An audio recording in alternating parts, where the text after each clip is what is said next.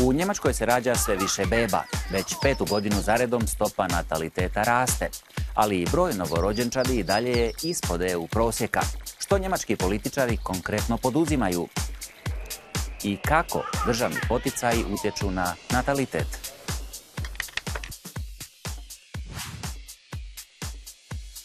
2016. u Njemačkoj je rođeno 7% više beba nego godinu dana ranije.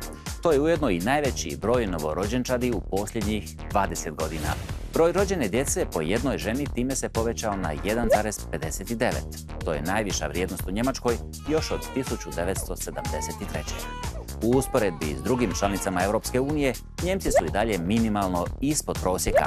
Najviše se beba rađa u Francuskoj, a najmanje u Španjolskoj i Italiji. Da pojasnimo, ovi podaci pokazuju koliko djece dobije prosječna žena u starosnoj dobi između 15 i 49 godina. Za održavanje stabilnog broja stanovnika taj broj bi morao iznositi 2,1. Njemačka vlada izdvaja oko 200 milijardi eura godišnje za gradnju vrtića i druge poticajne mjere. Mnogi smatraju da je dječji doplatak dobra motivacija, pogotovo za doseljenike. Je li to stvarno tako? Jesu li migranti zaista odgovorni za baby boom? Jasmina? Pa ne baš, barem još ne. Jer statistike kažu da je tek svaka peta beba rođena u Njemačkoj migrantska no, migrante sigurno motiviše i dječji dodatak. Od 194 eura po djetetu mjesečno, a od trećeg djeteta i više. Dakle, 1000 eura mjesečno za četvero, petero djece, pa zar se i vi ne biste bacili na posao da popravljate demografsku strukturu Njemačke?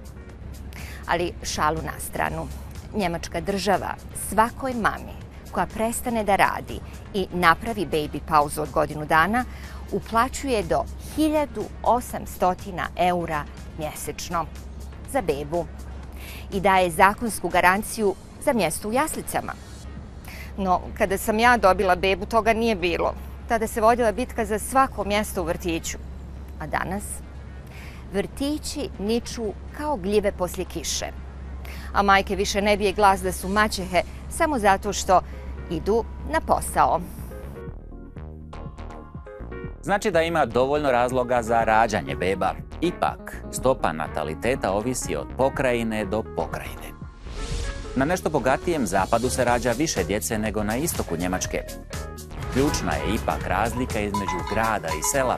U većim gradovima broj rođene djece po ženi iznosi samo 1,1, dok ta ista stopa kod žena koje žive u manjim sredinama iznosi 1,9. Stopa nataliteta očito ovisi o puno faktora, Ipak, činjenica je da se još uvijek najviše beba rađa u najbogatijim njemačkim saveznim pokrajinama, Baden-Württembergu i Bavarskoj, u kojima žive pretežito katolici.